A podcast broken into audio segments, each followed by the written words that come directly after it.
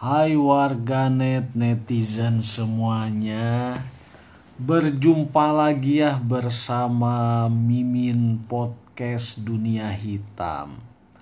Hari ini Mimin mau kembali berkicau ya. Mau kembali bercerita. Hari ini Mimin mau ngobrolin ngebahas ya tentang pola pikir penjahat gitu kan atau pola pikir kriminal. Nah, jangan ini ya, jangan disangka para penjahat itu tidak mempunyai mindset dan kultur set gitu kan. Mereka juga lengkap mereka tuh mereka ada mindsetnya, ada kultur setnya ya kan, sehingga mereka menjadi seorang penjahat sejati gitu kan.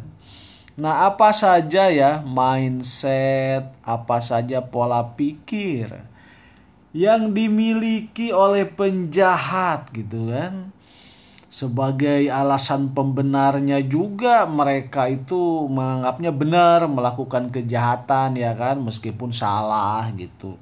Meskipun langgar aturan yang tertulis aturan tidak tertulis gitu kan. Nah terus apa saja tuh pola pikir penjahat?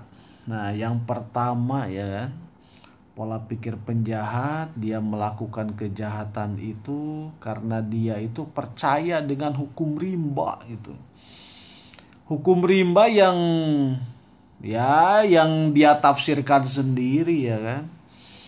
Misalkan seperti apa? Hukum rimba itu ya kalau kita nggak nodong ya kita yang ditodong kayak gitu. Kalau kita nggak nipu orang ya kita yang ditipu orang kayak gitu kan.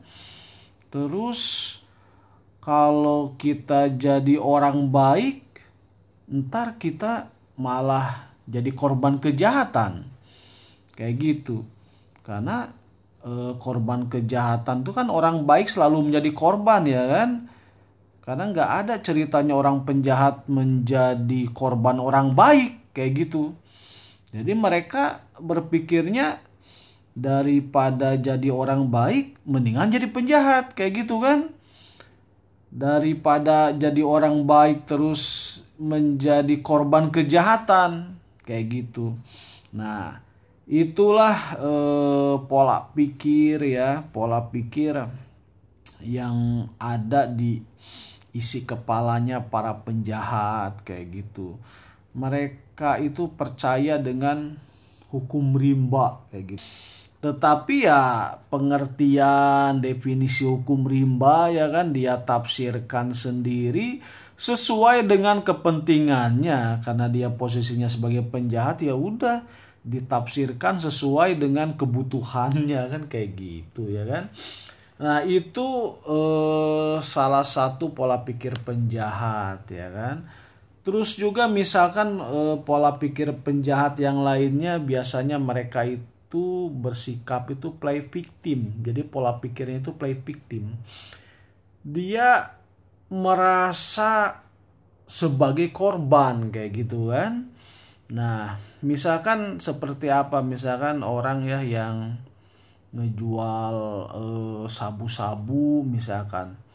Terus dia itu kena tangkap ya pasti dia itu play victim misalkan play victimnya dia ngerasa sebagai korban saya kan cuma disuruh ngejualin ya kan?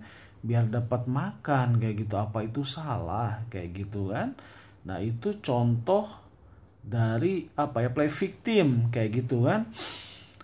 Atau misalkan uh, dia itu berpola pikir play victim itu misalkan dia ngerasa karena dia misalkan sebagai orang yang gak punya uang ya kan kayak gitu. Ya lihat uh, orang lain ya kan? Punya handphonenya ada tiga ya kan? Atau ada lima ya kan? Diambillah satu ya kan? Kayak gitu. Ya dia akan merasa sebagai korban. Dia akan merasa uh, itu ya sebagai hal yang wajar kayak gitu. Ya saya kan orang miskin. Sementara dia itu orang banyak duit ya kan handphonenya ada lima. Apa salah kalau saya cuma ambil satu ya kan? Kan kayak gitu ya kan? Itu namanya itu play victim ngerasa dia yang jadi korban kayak gitu kan? Karena dia apa ya namanya itu dikorbankan ya secara nasib atau bagaimana ya kan? Ya jadi alasan pembenar dia lah. Kayak gitu kan? Nah itulah pola pikir pola pikir eh, penjahat ya kan? Terus juga misalkan pola pikir penjahat itu dia berpikir merasa ya dirinya istimewa. Ya misalkan nongkrong nongkrong ya kan di lorong jalan kayak gitu kan. Ada orang yang lewat ya. Pokoknya ya lewat sini ya minimal lah satu dua bungkus lah kayak gitu kan satu dua bungkus rokok kayak gitu kan. Atau yang minimal dua puluh ribu lah kayak gitu kan. Nah padahal apa istimewanya kayak gitu. Sebenarnya kan mungkin cuma ngalangin jalan orang lewat aja ya kan. Tapi ya ya pola pikir penjahat ngerasa dia itu uh, istimewa di situ kayak gitu kalau mau dipikir-pikir mungkin saja mereka itu ya yang malak-malakin di lorong-lorong jalan kayak gitu kan. Mungkin mereka itu bukan pekerja saat pembuatan jalan itu kayak gitu. Kayaknya nggak ada kontribusinya kayak gitu kan. Tapi ya anda tahu namanya penjahat ya kan merasa istimewa kayak gitu ya. Pokoknya lewat sini ya minimal lah satu dua bungkus rokok mah kayak gitu kan.